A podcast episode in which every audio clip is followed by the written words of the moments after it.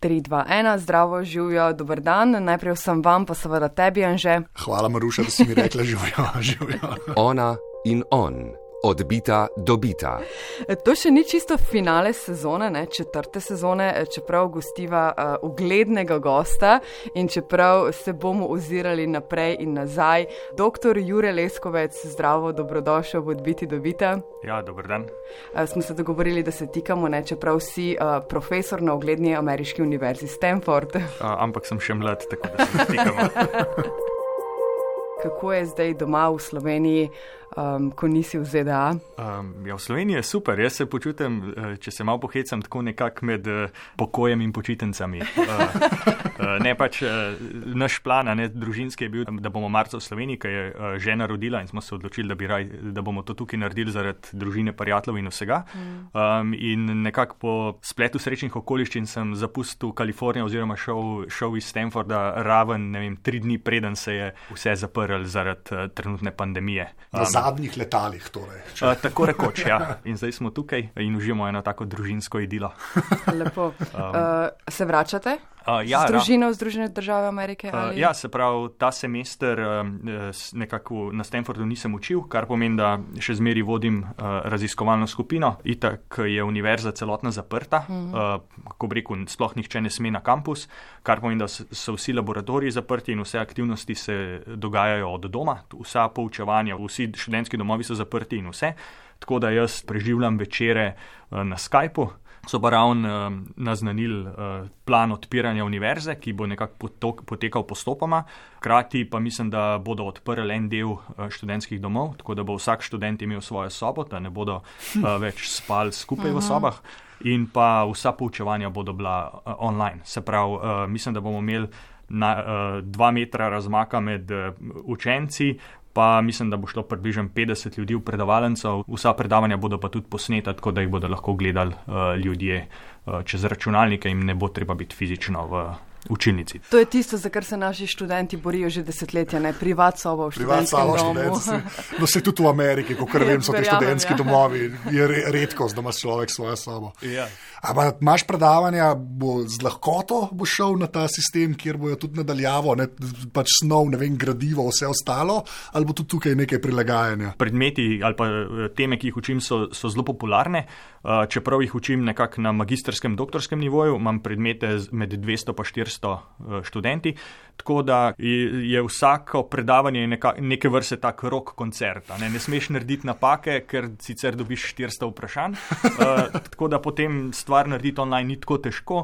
Zdaj razmišljamo, da bi naredili tako, da bomo imeli dve posneti predavanji na teden, uh, potem pa še kot eno tako uh, diskusijo, kjer bodo pa lahko um, učenci, študenti prišli, sprašvali vprašanja in na ta način bo tudi neki diskusije in feedbacka um, ja. poleg teh statičnih posnetih predavanj. Ja, da se ne zgubi interakcija, ker sklepam, da je kar ključna. Ne, e, Seveda, ja. ne, kako bi rekel, kar univerza daje in, in uh, je, je tudi to, da se ljudje, študenti med sabo poznajo, so interakcije med študenti, profesori in to je tista glavna dodana vrednost, ne, kar recimo pomeni, da Stanford veliko večino uh, predavanj je tudi potem, ko so odpredavana, so, se dobijo na YouTubu, tako da lahko kdorkoli, kako bi rekel, na svetu posluša Stanford stanfordskega profesorja, ki predava na neko temo, ampak se je nekako univerza ugotovila, da, da kako rekel, sama predavanja so lahko del uh, nekih javnih vsebin, hkrati je pa tisto, kar univerza daje, je pa okolje, uh, kako rekel, način življenja, vrednote, spoznavanje in en tak mindset odbita, dobita. Um, v nadaljevanju bomo razmišljali predvsem o tehnoloških velikanih, svetovnih tehnoloških podjetjih. Um, mi dva zelo veliko o njih govoriva in razmišljava. Jure, ti si dejansko najbliže uh, njim, zelo verjetno, predvsem geografsko. Kako si spremljal to korona krizo, sicer v Sloveniji, ampak uh, zagotovo imaš kakšen upogled, kako se je na korona krizo odzvala uh, Silicijeva dolina? Silicijeva dolina se je na korona krizo ali pa recimo tisto našo okolje tam odzvala zelo odločno. V smislu zdaj posameznih, kako rekel, kako se je odzvala recimo temu oblast ali pa njihova lokalna vlada, se je odzvala veliko bolj odločno, eh, kot se je recimo odzvala zvezdna oblast eh, ali pa kakšne druge bolj, kako bi rekel, eh, države osrednje Severne Amerike, kjer so dvomili o virusu, kjer so dvomili o, o vseh teh ukrepih, ki so bili sprejeti. Kalifornija je sprejela relativno stroge ukrepe. Um, to je en vidik. Zdaj, kar so pa velika uh, računalniška podjetja, tehnološka podjetja naredila, so pa zelo hitro uh, poslala ljudi delati domov. Se pravi, smo zaprli uh, recimo pisarne, Google jih je zaprl, Facebook, uh, jaz Pinterest zelo dobro poznam. Um, in zdaj bomo še naprej delali do septembra od doma. Eh, potem se bo pa, mislim, se bodo odprle pisarne za enih 30% um, in počasi se bo potem mogoče to uh, odpiralo. Uh, nekatera podjetja pa tudi razmišljajo, da bi nekako dovolila stalno delo od doma. Se pravi, tam praksa je, da se dovoli en dan na teden delati od doma, ponovadi so to srede. Temu rečemo srede brez sestankov, uh, no meeting Wednesday. Um, in uh, zdaj se pa to uh, še razširja. Uh, hkrati, a ne je bila mogoče takrat, ko so se ti ukrepi sprejemali, uh, se je Eh, izkazali, da je bilo kar nekaj negotovosti v smislu, kako bi rekel, poslovnih modelov, prihodkov in rentabilnosti teh podjetij. Se je pa zelo hitro pokazalo, da uh, bolj, ko so ljudje doma, bolj so na računalnikih, bolj so na telefonih, se pravi, je uporaba eh, raznih Pinterestov, Facebookov in tega skakovito poskočila. Je en tak zanimiv moment, ki ga mogoče ljudje niso predvideli. Pinterest, seveda, boljš poznaš. Ne? Pa Pinterest je dejansko samo, mislim, je, samo, to je zdaj z velike narekovaje delam, eh, samo spletna stran oziroma pač storitev, ne? ki gre več ali manj za, za software. Ne? Že narava dela, se mi zdi, tega programerskega, vseh teh tehnoloških podjetij je tako, da zdaj ta delo nadaljavo, saj meni zgleda tako, da ne pomeni nekega večjega preskoka ne? v naravi dela in sestanki in Zoom in Skype in vse ostalo. Ne? Pa me zanima, zdaj pri Pinterestu se je bilo to relativno preprosto preprosto prilagoditi, ali obstajajo kakšne take, mogoče neočitne težave, tudi ko gre samo za programerje. Ne govorim o tem, da ni tam neke manufakture, kjer ljudje za tekočim trakom ne vem, nekaj sestavljajo, ne gre dejansko za programe in za puše in pule. Ne. Po eni strani se mi zdi, na, na začetku je bila produktivnost mogoče celo, celo večja. Vsi so, vsi so vedeli, kaj, kako rekel, kaj morajo narediti, um, doma si nisi treba, treba voziti in tako naprej. In mogoče se je takrat um, zvečal, zdaj se pa mogoče kaže ena taka utrujenost, uh, skozi biti doma, skozi biti v trenirki. Um, mnogi ljudje, vem, imajo otroke, potem so bili še otroci doma, ne, je veliko enih uh, prekinitev in se, in se je bilo težko, in se je težko um, sfokusirati. Hkrati je pa tudi, tudi težko uh, komunicirati recimo z ostalimi, biti v skupini, biti v timu in se, in se nekako čutiti eno povezanost in eno, en ekipen duh. Uh, tako da uh, se zelo trudijo ohraniti ta ekipni duh, tudi če ekipa ni eh, skupaj fizično povezana. Recimo Pinterest je relativno, eh, v primerjavi z Google, Facebook je relativno majhen, kar pomeni, da je odgovornost in doprinos posameznika, recimo temu, veliko večji, kot je mogoče na raznih Google in Facebookih. To pa pomeni, da ima vsak, kako rekel, večje odgovornosti, večji doprinos in da se hitrej, hitrej nekako pozna, um, če kakšne stvari niso, um, če se kje kakšne stvari zalomijo. Uh, potem še ta del, tisti, ki pa delajo neko strojno opremo. Ne? Tega je tudi dosto v Kaliforniji, resno delajo, pač vsaj snujejo, ne? mogoče če že ni proizvodna tam. Ne? Imáš vsaj kakšen pogled, kako so se pa te prilagajali, ker res vse, kar sem bral, nekaj, sploh Apple, se mi zdi, bil vedno tako izpostavljen ne? kot tisti, ki pa imajo neke prototipe v hiši, ne? napram Facebooku, pa Twitterju, pa Googlu. Recimo, Tega jaz mislim, da je eh, relativno, relativno malo, a ne večina na koncu fizičnih izdelkov se, se, se dela, zgradi izven uh, Silicijeve doline, tudi Tesla, a ne kama tovarne jih nima, v dolini jih ima čez zaliv, na, na drugi strani pa so tiste tovarne recimo bile zaprte in mislim, da se zdaj, zdaj, zdaj počasi odpirajo. Recimo, kar tukaj lahko rečem, je recimo na Stanfordu so vsi te laboratoriji, tudi te fizični laboratoriji so pač zaprti. Ja. In to pomeni, da, da recimo en dobršen del univerze, sploh recimo biologi, kemiki in ne podobne discipline, kjer se dela, kako bi rekel, res fizično v laboratoriju, tisti so 100% zaprti, kar, je, kar pomeni, da jim vse raziskave stojijo. Meni se vseeno zdi eh, zanimivo, da kot praviš, nekateri razmišljajo o tem uh, trajnem delu od doma. Uh, Twitter se mi zdi, da je razmišljal o tem, da um, bi se zdaj to podaljšalo, ne vem dokdaj, celo morda v nedogled, lahko vse deluje brez človeških stikov, mislim, takšna ogromna korporacija. Uh, mogoče, mogoče težko, oziroma tudi ljudje morajo biti uh, tega, tega navajeni in mogoče se bomo mogli skupaj naučiti uh, to novo realnost in pač narediti neke, kako rekel, najboljše prakse, uh, kako se tega lotiti. Velika podjetja so raztresena po svetu, so različne pisarne um, in, že, in že tako so distribuirana, in zdaj bi to, ta nivo distribucije uh, še bolj um, kako reko, še bolj razširili. Kar se mogoče z nas zgoditi, je, da bi vem, vse ljudje probali biti skupaj fizično en, dva dni na teden, eh, hkrati pa mogoče potem delati od doma. To je, kako reko, še vse, še vse na mizi in um, na Pinterestu je bilo, mislim, da je ne tri dni nazaj ravno ena taka dolga anketa, je prišla do zaposlenih, kjer se je nekako sprašval uh, glede tega, kakšne prakse bi bile dobre za njih, kaj, kaj jim je doma v redu, kaj jim, kaj jim doma mogoče ni v redu, a imajo vem, dobro mizo, a imajo vse urejeno, ergonomsko in tako naprej. In tako naprej. Ne, ker tukaj je tudi, recimo, v podjetjih je, je zajtrk je pripravljen, kosilo je pripravljeno, večerja je pripravljena, uh, tega vsega doma ni. In um, je zdaj tudi vprašanje, kako lahko, ko reko, podjetje pomaga svojim zaposlenim, da so efektivni. A, mogoče to pomeni, da vsak zaposlen dobi mizo, stol, eh, pa monitor za domov, mogoče to pomeni, da vsak zaposleni dobi pred vrata dostavljeno kosilo vsak dan, eh, ni jasno. Ne? Ampak to so vse možnosti. Kolesa, skiroje, vse možne bonitete, ki jih imajo zaposleni. No, sem, če obstaja neka industrija ali pa panoga, ne, ki bo mogoče, bi jaz rekel, da je mogoče kakšno stopnico nad vsemi ostalimi, je to glih ta del ne, Amerike, kjer bi mogoče to še najlažje šlo skozi. Tako da, ja, jaz, jaz sem, sem kleker malo tako optimističen, da bo mogoče to res malo premaknilo, zdaj pa smo malo smejali temu delu v pisarni čez nekaj časa. No, Ljudje so, ali pa vodstvo je definitivno odprto um, za, nove, za nove ideje in tudi poskuša in, kako bi rekel, eksperimentira, da, da se nekako ugotovi, kaj so dobre prakse, kaj deluje in kaj mogoče ne deluje tako dobro. V Sloveniji v zadnjih mesecih največkrat omenjeni tehnološki gigant je Twitter zaradi uh, politikov. Spomnila sem se, ko sem razmišljala o Twitterju, da si zelo verjetno bil eden izmed prvih uporabnikov Twitterja, ker uh, je tvoje ime Afna Jure. Če bi zdaj nekdo hotel biti samo Afna Jure, bi uh, mu zraven pripisali še vse 12 različnih številk.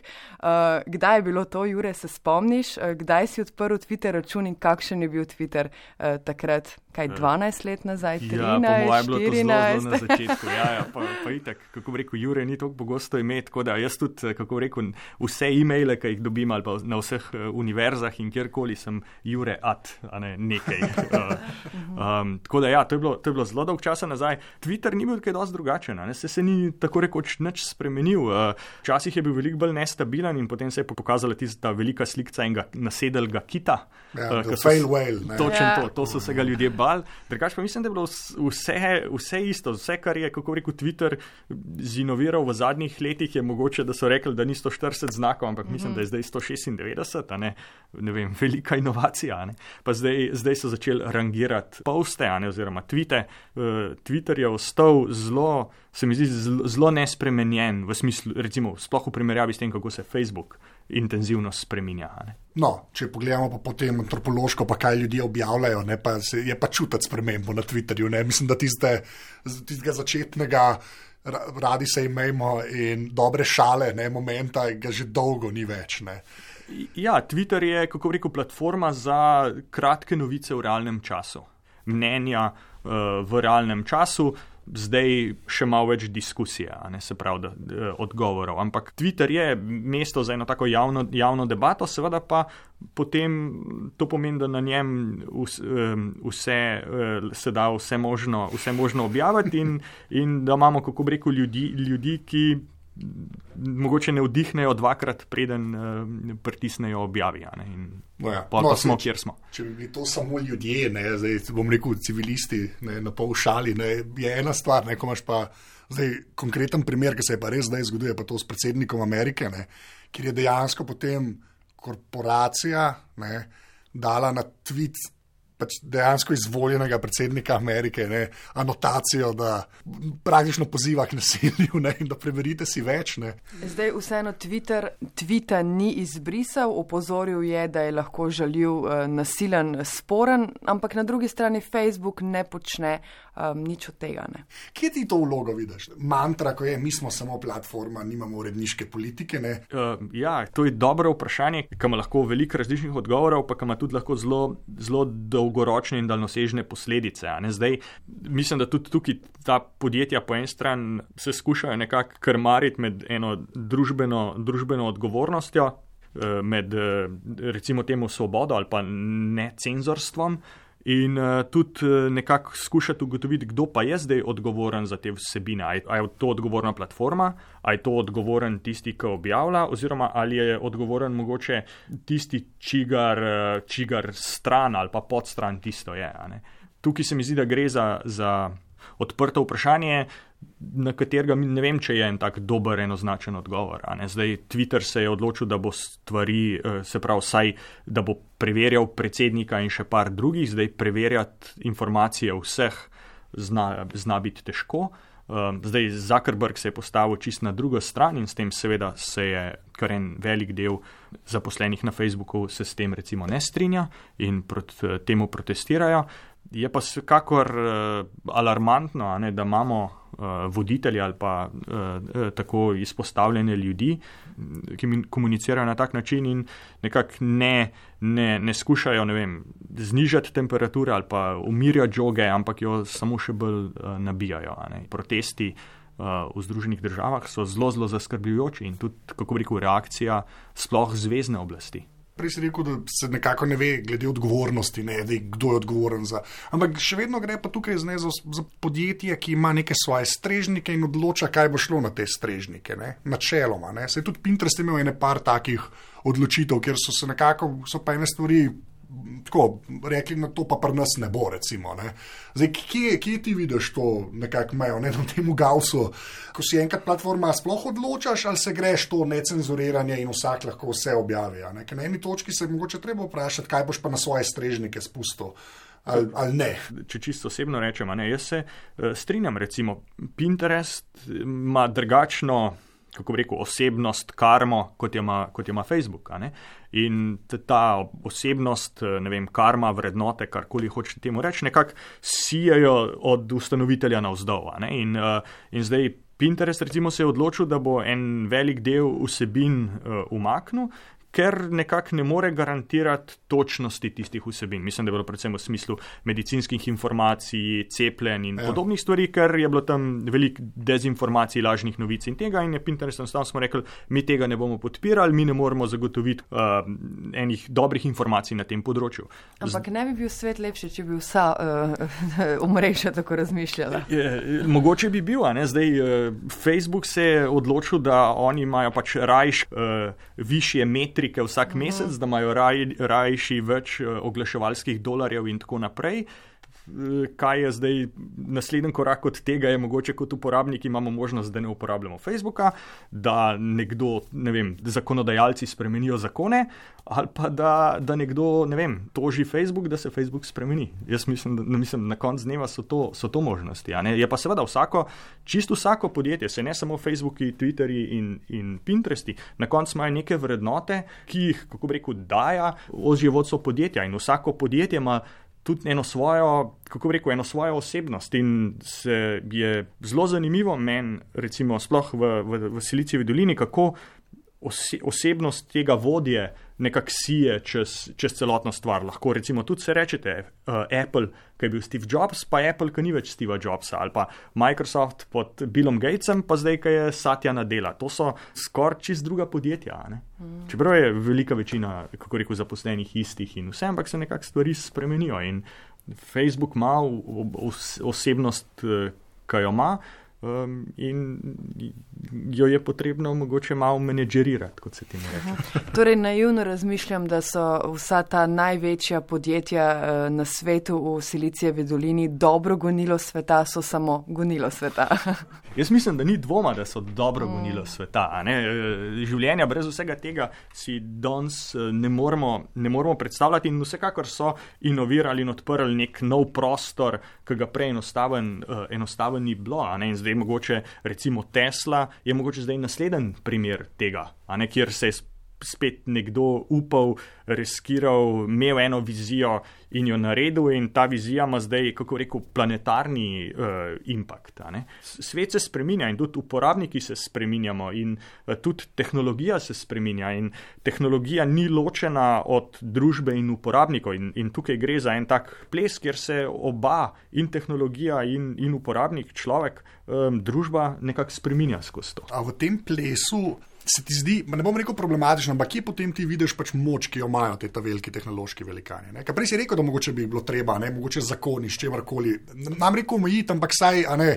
Spraviti v, v neke okvirje. Ne? Ampak imaš občutek, ker jaz ga absolutno imam, no, da pa, se jim je pustilo zraz do neke mere, ki mogoče to vse potem odpade, ne? ker kaj bo pa potem država kot taka naredila eno Facebook pa Google. Ne. Zdaj smo imeli sploh pri primeru v tej pandemiji, ne, ko sta potem Apple pa Google, ker imata, ne, ker sta tako velika in ker imata praktično vse telefone, on, ne, te dve podjetji, so v bistvu oni nekako diktirali državam v tem primeru na boljši način, kot so to države hotele početi, ne, s tem uh, contact tracingom, ne, z aplikacijo, ne pa API-jem, ampak gre res za neko, mislim, ogromno moč nekih entitet, ki Mislim, volimo jih pa ne. ne. Jaz mislim, po eni strani jih volimo vsak dan. Ne? Ja, z uporabo ali ne uporabo. S tem, ko vzamemo ven telefon, s tem, ko se odločimo, kje bomo oglaševali svoj dogodek, s tem, ko se odločimo, kje bomo skup naredili skupino nek ali pa neko socialno gibanje, s, tem jim dajemo glas vsak dan. Kaj pa ta, ta argument, ne, da, je, da, da, se, da se že lahko vleče usporednice s tobačno industrijo ne, v prejšnjem stoletju? To mislim, da je kar rata, že tako malo že popkulturna primerjava. Ja, ja. Mislim, že kar nekaj časa obstaja, ampak a vidiš nek svet, mogoče čez 20 let, ko bomo nazaj na to gledali, ne kot na tiste reklame Flintstonesov, ko Fred Flintstone nekaj di Marlboro in reče: ja, ja. Oh, to je pa okus, ne, ki ga hočeš. A, a obstaja ne, možnost, da, da, da smo na isti poti, kot takrat, pa zdaj samo, so pa to telefoni, pa pač platforme? Kako bi rekel, eh, jaz mislim, da je zelo, zelo veliko odvisen tukaj od podjetij samih. Uh, ne, mislim, da imajo uh, več uh, svoje usode v svojih rokah kot kot ima Marlboro. uh, uh, ne, razen, ne vem, če bi začel parfumirane cigarete delati ali kaj se kaj, ali neki, da bi bolj dišal. Moje mnenje je, da vloga za te servise definitivno je in igrajo pomembno vlogo. Seveda, kar pa uh, je tudi pomembno, je pa, da v mnogih uh, primerjih, se pravi, ta orodja vodijo recimo eno tako polarizacijo in tako naprej. To je pa nekaj, kar je pač treba uh, se, se naučiti oziroma morajo ta podjetja v dobro družbe probati uh, menedžati. Ja, mislim, da bo še, da bo še zanimivo. Bo še pestro. Ja, in tukaj se bo vsako podjetje nekako odločilo, šlo bo neko svojo pot, pa pa nekako prihodnost, prihodnost pokazala. Še v tem razmišljam o idealnem družabnem omrežju, ki je verjetno tudi različno glede na vsakega uporabnika, posameznika. Um, kakšna bi morala biti, oziroma uh, kaj bi svetoval vsem tem, če bi lahko kakšno stvar um, spremenil? Uh, mogoče, ne vem, naslednje. Ne? Jaz mislim, da je tukaj bolj. Um, Tudi, kako bi rekel, odgovornost eh, posvojena eh, na uporabnikih, ne, da je vsak uporabnik, je, kako bi rekel, svoj urednik. Mm. Um, in eh, kot smo delali raziskave, ne vem, par let nazaj, se izkaže, da slabo vedenje eh, veliko hitreje širi eh, kot se širi dobro vedenje. In tukaj se mi zdi, da je pač nekako zelo pomembno, da, da se uporabniki zavemo, da najlažje je, kako rekel, slabo, slabo voljo ali pa neke ekscese prenašati naprej, da, da, so, zelo, da so zelo viralni in da se zelo hitro širijo. In da način, da se, da se stvari spremenijo, je, da pač enostavno ne, ne, ne delimo in ne, nismo del prepirov. Se je pa seveda zelo lepo pa vključiti v en prepir ali pa v en online pretep. Ampak na koncu imamo vsi umazane roke zaradi tega. Tako da tukaj se mi zdi nekaj, kar lahko vsi naredimo na enostaven, na, na kulturi komunikacije, ki pa spet, a ne prej smo se pogovarjali o, o, ne, o prihodnosti pa o tobačni industriji, ampak sej nedolgo tega nazaj so ljudje uh, na, na pranger prevezali in jih namakali v Ljubljanci in tako naprej. In množice so doživljale ekstazo ob tem. Um, tukaj pa ni dosti drugače. Ja. Ja. Um, Jure Leskovec, za konec še domov, v odbiti smo ogromno govorili to sezono ali pa to korona sezono o aplikacijah za sledenje okuženim s koronavirusom. Kakšna bi bila za Slovenijo varna, zasebna, dovolj dobra rešitev?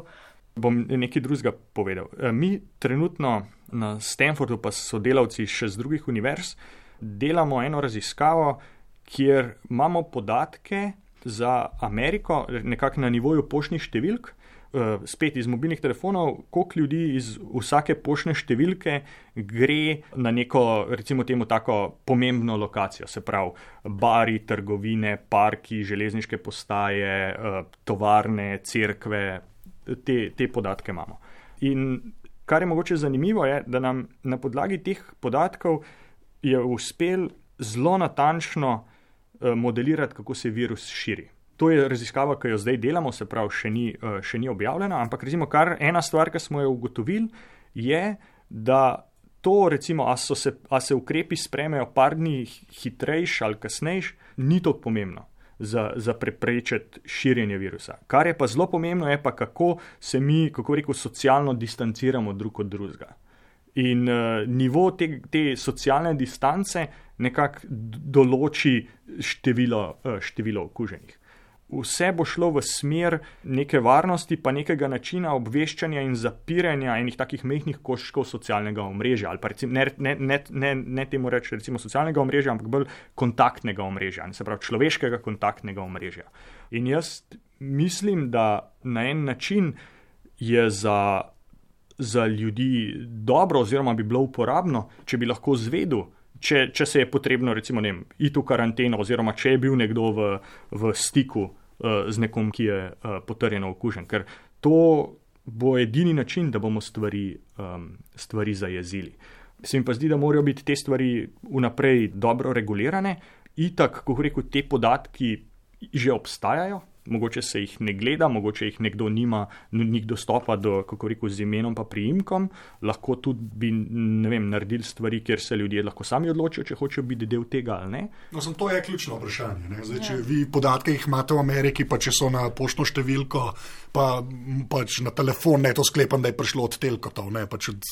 ne, ne. ne, dejansko ne, kje pa so, kje pa so potem te? Uh, to, se, to se da kupiti na trgu. No, no se to mislim, ampak to je dejansko so podatki od telkotov, ki jih potem so, firmah, to so podatki recimo, od raznih aplikacij, ki jih uporabniki zinštalirajo. Ja. In če uporabnik preveri vreme, Ja. Tista aplikacija ve, kje, kje ti so uporabniki, mogoče se ne ve. Ja, se gledajo ne šest težav, ki jaz take stvari slišal. Ja, ja. ja se Ampak se vas, se vas tam vprašajo, a hočete ja. svojo lokacijo zmeri povedati, nikoli povedati, ali pa samo, ker je aplikacija odprta. Ja. No, se to, no, se, ja, je pa všeč, da, da, da je tudi ja. pri tebi ta razmišljanje, da je bilo fajn, da se to vnaprej razmišlja, pa potem regulira. Ne. Saj, kot jaz vem, je v Ameriki do teh podatkov, s katerimi vi zdaj očitno te raziskavi eh, delate, ne, veliko lažje pridati, ne, ker je v Ameriki, zdaj bom že spet zelo pogovorni, večji Teksas, kar se tega tiče, kot v Evropi.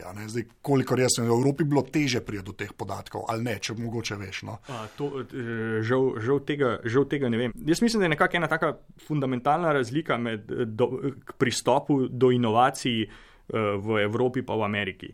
Uh, se mi zdi, da Amer američani pustijo vem, več svobode, večji Teksas, karkoli temu rečemo, in tudi potem na to odreagirajo. Mislim, da Evropa je pa veliko nekako bolj konzervativna in še preden stvar je, začne, začne nekako jo omejevati in razmišljati, kaj vse, kaj vse bi lahko šlo na robe in s tem se velikrat kakšna, kakšna inovacija ali pa kakšna stvar prehitro mogoče temu zaduši. In zdaj, kako rekel, vsekakor se strinjam, da um, Amerika ima ene stvari na, na, na zelo zanimive ali pa uh, načine urejene in da te, te stvari mogoče niso najboljše urejene, pa seveda hkrati pa ta svoboda vodi do tega, da ljudje lahko poskušajo, imajo vizije in vidijo, kaj se zdaj da in kaj se zdaj ne da narediti. Ne? Zanimivo, zanimivo vse tole. Um, bomo spremljali dogajanje, Jure, mogoče kdaj še tudi s tabo, če še kdaj kaj prideš domov. Hvala lepa, da si se oglasil v odbiti dobite. Ja, hvala lepa za vabilo. Že proti koncu sezone greva še nekaj vdaj, ne? še dve. Še dve. Še dve. In vse, vse? ja, in vse epizode odbita dobita so seveda na val 202.si poševnica odbita. Hvala vsem, ki nam dajete ocene v Apple Podcasts, eh, na Twitterju svafna odbita. In uh, to je več ali manj to. Se slišimo prihodnjič. Hvala, srečno. Čau.